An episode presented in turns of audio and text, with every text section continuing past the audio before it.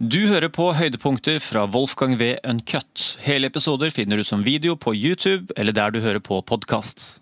Er vi, er vi var det sånn her også for, for ti år siden, før migrantkrisen, og nå at det fortsatt er to leire som fortsatt ikke greier å diskutere dette her med innvandring? Er det så vanskelig ennå at vi finner ikke noe felles grunn på mellom disse to leirene? Uh, jeg vil ikke være enig i det. sånn som The Economist, som er liberalismens fanebærer. Vi skal, vi skal snakke om The Economist i, eget, uh, i en egen pod. For jeg, Et av kapitlene i boka handler jo om The Economist, for det er et så viktig tidsskrift.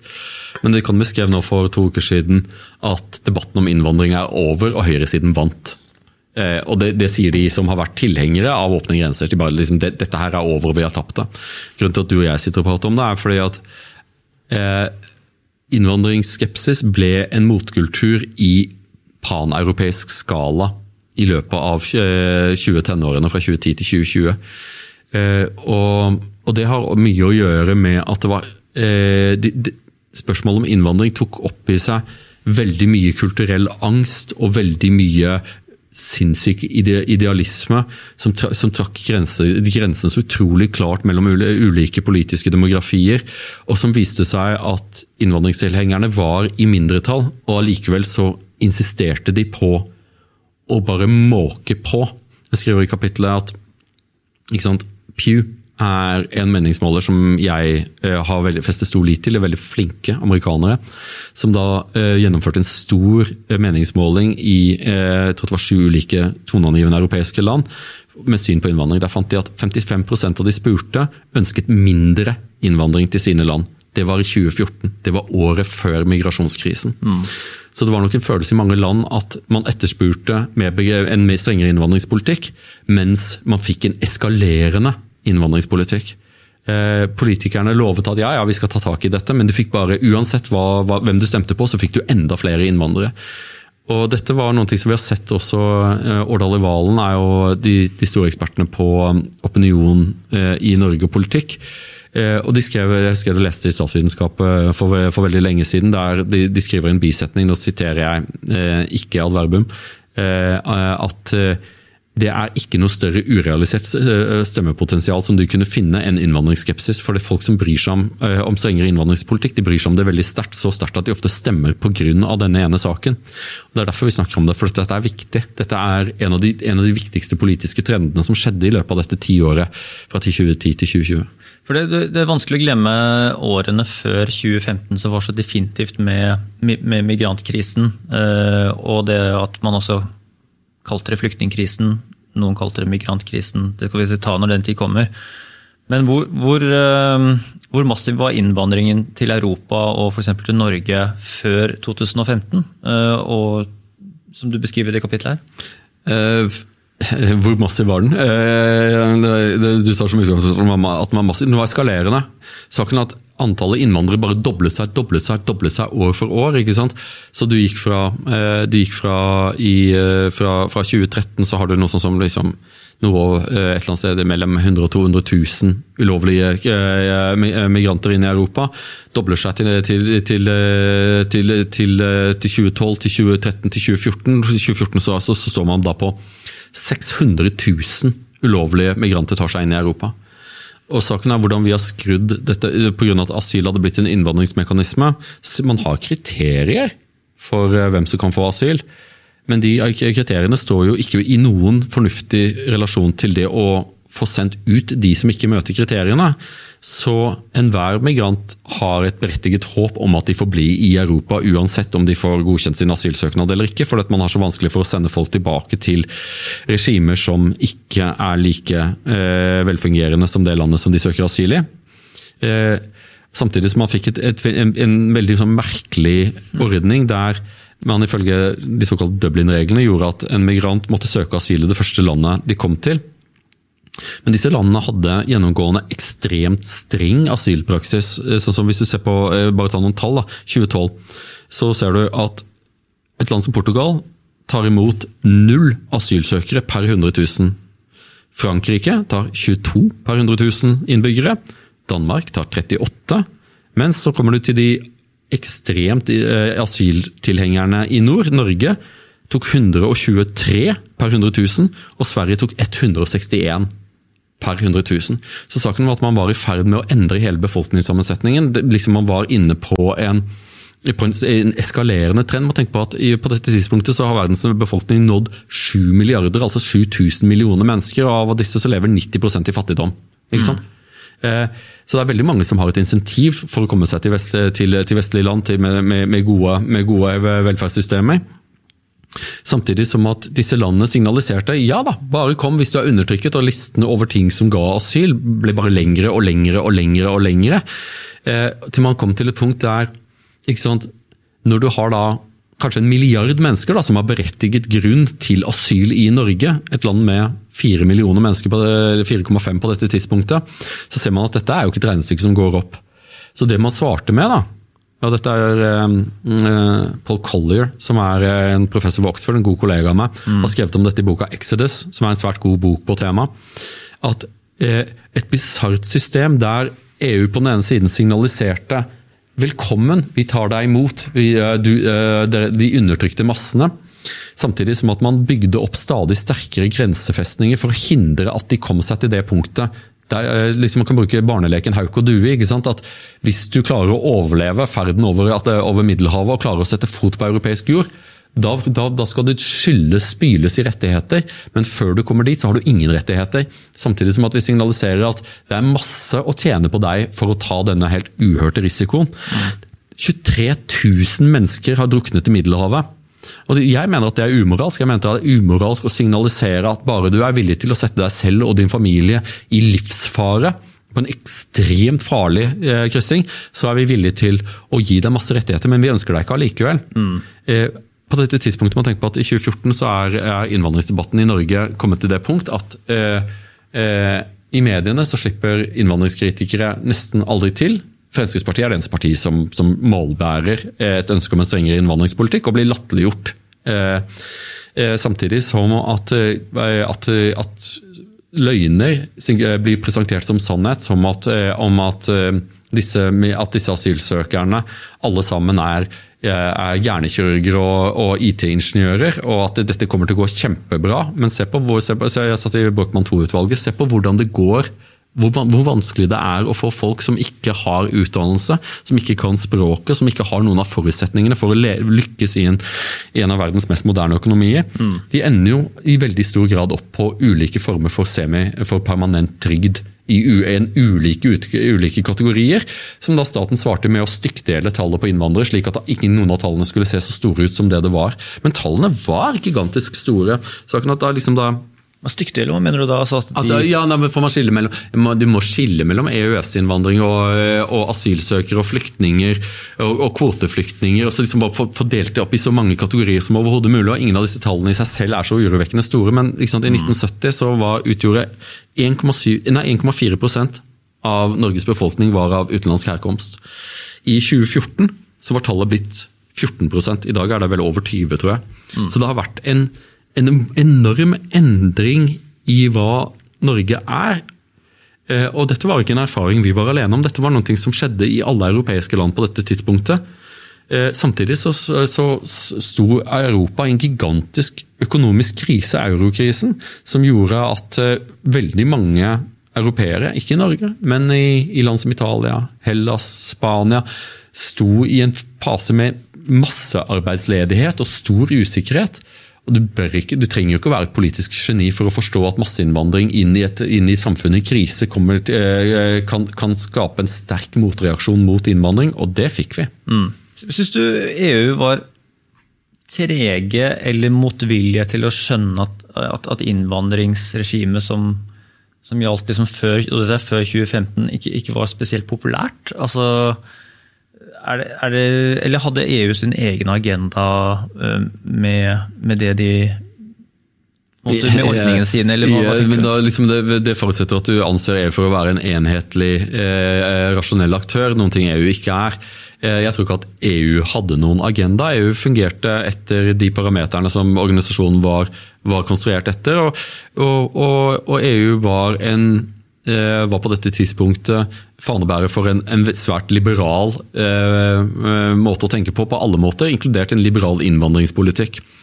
Og EU har aldri vært skrudd for å ta hensyn til opinionen. Eh, jeg, jeg tilbrukte kanskje et av de ulykkeligste årene i livet mitt ved å bo i Brussel. Eh, og jeg kan si, liksom, Det er bare et annet sted. Det er som å, er som å være i en sci-fi-film. Liksom. For, for det, verden synes, og vanlige menneskers bekymringer synes så fjernt. Og det er en, også en, en, en nesten stolt eh, arroganse i forhold til hva vanlige folk måtte mene. Det er dem knekkende likegyldig pga. at de anser seg selv for å være bærer av noe som er viktigere. Sånn er det ofte med ideologiske mennesker. Mm. Men i forhold til Bulgaria så fikk jo Bulgaria ganske klare signaler om at eh, nå må dere ta oss og plugge grensene deres. Eh, Schengen, ikke sant. Eh, mm. Så de oppfattet, de, de oppfattet, da at her må vi ta rev i seilene. Eh, så, jeg drar nedover til, til, til, til grensen, kommer til en eh, landsby som heter Golam Dervent, som betyr lang marsj på bulgarsk. Eh, en Roma, eh, overveiende Roma-befolkning. Som ifølge mine bulgarske venner eh, var kjent for å drive med menneskesmugling. Det var deres. Men da jeg kom dit, så var det ikke noe menneskesmugling som pågikk i det hele tatt. Fordi bulgarske grensevakten hadde fått Land Rovere av, av britene. Og så støtte jeg på da eh, vi, Jeg ble en, en drosjesjåfør som, som jeg sa liksom, kan ikke du kjøre meg opp dit og så vise meg hvor, hvor migrantene kommer over grensen. Så vi dro da kjørte opp i, opp, i, opp, i, opp i, kollene og kom da til et sånt uttørret elveleie hvor han sa ofte så kommer folk gjennom her. Så vi ble sittende og stirre ned i det elveleiet i en time eller to, og ingen kom. Men så kom grensevakten. Mm. Og, og, de gutta de var ikke, de var ikke smågutter. Altså, det var eh, liksom noe av det største mannfolka jeg noensinne har sett. og Det var liksom som menn med brutale ansikter og svarte uniformer. Ja. Eh, og, og, jeg forsøkte liksom å spørre dem ut. De var fullstendig uvillige til å svare på noe spørsmål i det hele tatt. Tydeligvis hadde de fått klar beskjed om at journalister det skal bare holde dere langt unna. Så de bare henviste til ministeren. Jeg forsøkte å snakke med ministeren. det var umulig å komme gjennom. Eh, men det viste seg da, og Amnesty har påpekt dette i sine rapporter, at Bulgaria la seg på en linje der de bare banka opp, eh, behandlet eh, migranter svært brutalt. Og så, og så, ga de tilbud, etter å ha eh, vært røffe med dem, si har du lyst til å søke asyl her? Og stirre litt hardt i øynene. Eller har du lyst til å gå tilbake over grensa? Og De fleste velger da å gå tilbake over grensa. Det, det, dette er en skremmende opplevelse. Disse gutta her er en ordentlig tøffe, er svære brytere. ikke sant? Mm. Og Det var den måten de håndhevet det på, bare gjennom, å, gjennom å, eh, å, å konfrontere eh, migranter på grensen og pælme dem ut igjen. Og Dette er jo noen ting som som Amnesty har påpekt, og rapporten deres virker svært troverdig, at dette skjer i stor skala. Og så, da, så startet da EU en, en, en prosess for å, for, å, for å, finne ut sannhetsgehalten i disse påstandene om menneskerettighetsbrudd. Og Jeg tror fanken ikke de har konkludert ennå. Ja. Det er en veldig saktearbeidende prosess. har inntrykk av. Ja, det, tar vel noen år? At jeg tror at det kan ta noen tiår også, før ja. vi får en konklusjon på, på dette. Par reiser, et par representanter, og litt femstjerners hoteller og sånt som skal grave litt? Ja, altså, men må tenke på at EU hadde da kommet i den posisjonen at de hadde bedt alle land om å rive grensegjerdene sine og grensevernet, og så fikk de problemer med at de så at eh, oi, oi, oi, her begynner veldig veldig, veldig mange migranter å komme over grensen. Dette er ikke spesielt populært, og det begynner å gi seg, populær, eh, gi seg politisk utslag. Folk begynner å stemme på høyresiden og er litt forsiktig her nå. Mm. Så Derfor ender man da i 2014 opp i en sånn veldig merkelig mellomposisjon, der de sier at nei, kan ikke, får ikke lov til å bygge grensegjerder, for vi er i det grenseløse Europa. Men, Men eh, det kommer veldig mye migranter over grensen her. Og bulgarerne gjorde det på sin måte gjennom å innføre en ganske sånn brutal eh, og ganske voldelig måte å håndheve sin grensesikkerhet på. Og la oss være ærlige, det, det var ikke helt unaturlig for bulgarerne. Var, de, de, var jo eksperter på dette under den kalde krigen, så de hadde en viss erfaring med å, med å plugge sine egne grenser. Hmm. Men Er det på dette, på samme tid hvor du da også besøker dette åpne eh, flyktningmottaket i Pastragor? Ja. Eh, jeg, eh, jeg, besøker da et flyktningmottak hvor det bor rundt 400 asylsøkere. De aller fleste av disse syrere. Eh, og det er veldig viktig at man ikke blir blind for andre menneskers lidelse. Og Der traff jeg, traf jeg på en, en, ung mann, tenåring, som het Samir. Som snakket, ja. som snakket passabelt engelsk. Som fortalte om sin migrasjonsopplevelse fra Eh, familien kom fra Aleppo, eh, hadde flyktet fra krigen. Beveget seg gjennom Tyrkia. Var, han var en av den veldig lille gruppen mennesker som ikke hadde kommet over grensen over land. De hadde dratt til Sinope i, i Tyrkia, kommet seg om bord i en fiskebåt og eh, hadde en helt forferdelig reise over Svartehavet. Eh, bok, kapittelet heter Svart hav. Det er en del i, eh, om, om, dette, om, dette, havet der også. Eh, men iallfall med motorhavari, eh, sykdom. Moren hadde blitt, hadde blitt dødssyk på, på, på reisen, mm. før de da ble dumpa på en strand i, eh, i Bulgaria. Og Han fortalte at de, liksom, de hadde ikke blitt vennlig behandlet, men de hadde blitt, de hadde blitt sendt til flyktningmottak utenfor Plovdiv, tror jeg, der de hadde fått nødvendig helsehjelp. og Nå eh, satt de i køen og ventet på at noe annet europeisk land ville ta dem. Men sånn er det jo også i dette, i dette dette bisarre flyktningregimet. At alle, vi signaliserer en sterk vilje til å, til å være human og ta imot migranter. men det er ingen europeere, ikke Norge eller noen andre, som er veldig ivrige på å tømme flyktningmottakene i Bulgaria eller i, på greske øyer og ta dem til sitt land. Eh, så dette fattige Bulgaria i tung økonomisk krise blir jo sittende med store mengder med migranter. Mm. Og Dette førte jo til mye fiendskap fra lokalbefolkningen, så stakkars Samir var jo redd for bulgarerne rundt, eh, som, som skulte mot dem, og som, som, som snakket sint på et språk han ikke forsto. ikke sant? Eh, så eh, disse stakkars syrerne hadde jo mer eller mindre låst seg inne i, i, i dette flyktningmottaket, hvor de, hvor de hadde dannet da ulike grupper der de slo sammen slantene sine sånn at de hadde nok mat og måtte handle da i lokale butikken og bare ventet på at livet skulle kunne begynne igjen. Så Svartehavet sånn, er ikke en sånn transitt rute for veldig mange migranter og flykt, flyktninger. For det er et veldig sånn lite gjest, eh, fritt, sånn gjestmildt hav. Svartehavet er jo, er jo, det underligste havet på, på denne jord. På grunn av at på et eller annet tidspunkt i menneskehetens historie så, så var det en lavtliggende slette eh, som, eh, der barrieren med Bosporos brøt, og så bare tømte Middelhavet seg inn på denne sletten og skapte et nytt hav. Når var det, Sigga? Eh, de, de, lærde strides. De lærde strides. Eh, liksom, eh, jeg har hørt 14 000 år siden, jeg har hørt 10 000 år siden. Eh, vi kommer sikkert til å få svar på det, sikkert også komme svar på det, jeg har bare ikke fulgt med. Det er lenge siden. Mm. Eh, eh, greske historikere skriver at dette er noe som faktisk var i menneskets minne om at det hadde levd mennesker på denne sletten, og, at, og, at, og, en, og en, kataklysme. At det, at det inntraff, og at dette er noe som manifesterer seg i, i i Bibelens fortelling om syndefloden. Om, om bare at, at, hele verden bare blir full av vann. ikke sant? Mm. Eh, mens Svartehavet er brakkvann, det er et grunt hav. Det gjør det at det er nesten ikke noe liv under, eh, ti meter. så er det nesten ikke noe liv i Svartehavet i det hele tatt.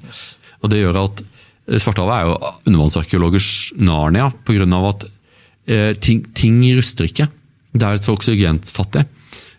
Og Derfor så ligger da liksom vrak av vikingskip ved siden av vrak til, franske, til greske triremer, til sannsynligvis vår tids flyktningeholker, som har sunket og som ligger der nesten urørt eh, gjennom mens hundreårene bare tikker forbi. Yes. Jeg tok og hadde en sånn opplevelse eh, det var eh, Da jeg, var, eh, jeg jobba for Nato, så skulle jeg ta en båt fra Varna til Burgas.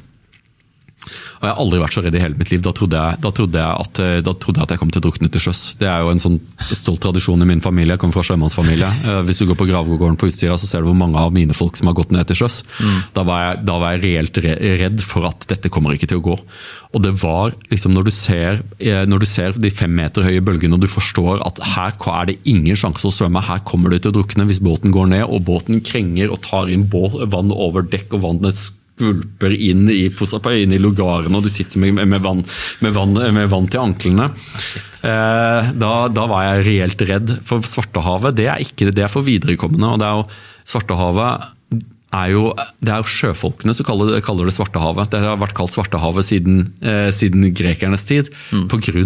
at det er så utrolig farlig å ferdes på dette havstykket. For det, det er en blanding av altså, uvær og øh, sted og Det var en sånn passasje der som var jævlig bra. Kan jeg få til å lese den for deg? Eller? For jeg har notert sidetallet. Ja, jeg har også det. Jeg har gjort den klar til deg her. Oh. Jeg synes også, Du ser faktisk hvor jeg har eh, gjort det klart der. Ja, ja, det... Jeg syns den var jævlig god. Det var um, en, en, beretning eller en, fra en som også ferdes på Svartehavet? Ja, det er, en, det er en amerikansk journalist som heter Stanley Washburn, som krysset dette havet tidlig på 1900-tallet.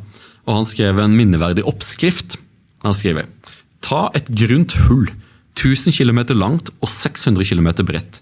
Spre deretter skarpe rev og undersjøiske grunner på uventede steder, og fyll på så med det kaldeste vannet som tenkes kan.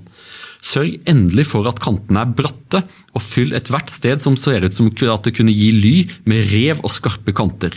Importer så en tyfon fra Sydhavet, bland med en snøstorm fra Dekota, og da har du en grei beskrivelse på, van, på vanlig desembervær i Svartehavet. Ja, det er beskrivende. Det, jeg, jeg, visste ikke at det var så, så kaldt og rått der. Det visste ikke Samir heller. Eh, og det, det, Jeg kunne se det i øynene på han at eh, ja, hans største angst var at asylsøknaden skulle bli, bli, bli, avslått, og at de skulle bli tvunget til, til å gjøre reisen til, tilbake samme veien som det de hadde kommet. Mm. Jeg forsøkte å si at det, det, kommer ikke til å skje, det er ikke sånn det fungerer. Men det oppstår jo veldig mye myter, for det er så stor usikkerhet for disse migrantene. De, de har jo ingen erfaring fra vestlige samfunn. De kan jo ikke våre regler eller hvordan man gjør det. så liksom... Mm.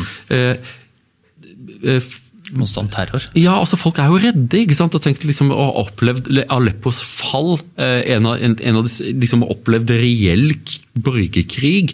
Eh, tusener av døde flyktet uten sine eiendeler på jakt etter trygghet. Og så ende opp en, i et flyktningmottak i Bulgaria Eh, en forferdelig situasjon. Mm. Du skriver også litt senere her at uh, det, det, det, det, reaksjonen på at han var redd for, for Bulgaria, at de skulte på han. Altså det, og den der innvandringsskepsisen som finnes i Bulgaria, det var jo et tall på en undersøkelse fra 2013 at 83% av bulgarere eh, likte innvandring veldig dårlig. Mm. Eh, og eller 28% ønsket å erstatte EU med russlandsk eh, eurasisk union. Mm. Eh, hvorfor har det blitt sånn? Er det det er pga. at de føler at innvandringen ble påtvunget dem av EU, og at EU var totalt manglende lydhørighet i forhold til uro over masseinnvandring inn i landet i økonomisk krise. Det virket ikke som at de brydde seg om det i det hele tatt. Eh, samtidig så fikk da Bulgaria fremvekst av et rent fascistparti som het Ataka. Det var sånn, sånn skummelt. Liksom kjørte, jeg pleier å leie bil, så jeg kjørte, kjørte, gjennom Bulgaria. Overalt kunne du se sånn svarte plakater. Mm. De hadde tatt hele valgkampmaterialet til Benito Mussolini, så da hadde da lederen i en sånn, der, sånn der, en sånn positur, i sånn der, et sånn hvitt ansikt på svart, an, eh, svart eh, og der det sto bare 'Ataka' eh, kyrillisk. Og Ataka eh, tok det da på seg å angripe migranter, så de arrangerte eh, borgervern. Mm. Ofte med ganske mye brytere, tøffe folk, som tok det på seg da å banke opp migranter som forsøkte å, å, å, å selge ting i gatene. Småkriminalitet. Liksom, for det, det ikke, De fikk jo ikke mye penger til å overleve, så folk forsøker jo å overleve. Så de ble synlige i gatebildet. Og da Ataka og andre i borgervern tok det på seg å rense gatene for disse migrantene. Eh, og med, med, mye vold. Mm. Eh, og du så liksom, Når jeg sier fascist, så mener jeg dette er et ekte fascistisk parti. Det er ikke, det er ikke en måte å, å, å, svartmale dem på. Det trenger du ikke. De er ekte fascister. Jeg tror at de ville være enig i at de var fascister. De er inspirert av Benito Mussolini. Uh, og Det har man i Sør-Europa. Du er ekte nazister, du er ekte fascister. Det er ikke en, det er ikke et, det er ikke en merkelapp man på, bruker mot meningmotstandere der man har avdekket en eller annen høyreavvik. Men det er ikke de som styrer her nå? Nei, nei. Det er Gerb-partiet til, eh, til Bojko Borisov. Bojko er uh, et, eh, har, har, knyttet seg til den såkalte brytermafiaen. Eh, som, som, som, har vært en toneangivende kraft i bulgarsk politikk. Disse Bryterne var jo nasjonalhelter, eh, for det er nasjonalsporten. Og de slo seg da på mafiavirksomhet. Eh, menneskehandel, sigarettsmugling, you name it. Og, og Boiko klarte å lage en allianse med disse folkene. og Dessuten hadde han en, han hadde en personlighet som bulgarerne likte. Og og har da styrt dette landet i lang tid. Nå var det jo en, en nylig en sånn, et lite sånn eksposé av der du tok bilde av hans nattbordskuff stappfullt av eurosedler og et, og et håndvåpen. som det sier vel, vi, eh, Han nektet for at det var sant, alle andre trodde at det var sant, tror jeg. Eh, og Det sier, viser jo litt om liksom, ja, dette er lederen i vårt land, mm. som liksom sover med en ladd pistol og, og liksom to store bunter med, med, med 100 eurosedler i nattbordskuffen.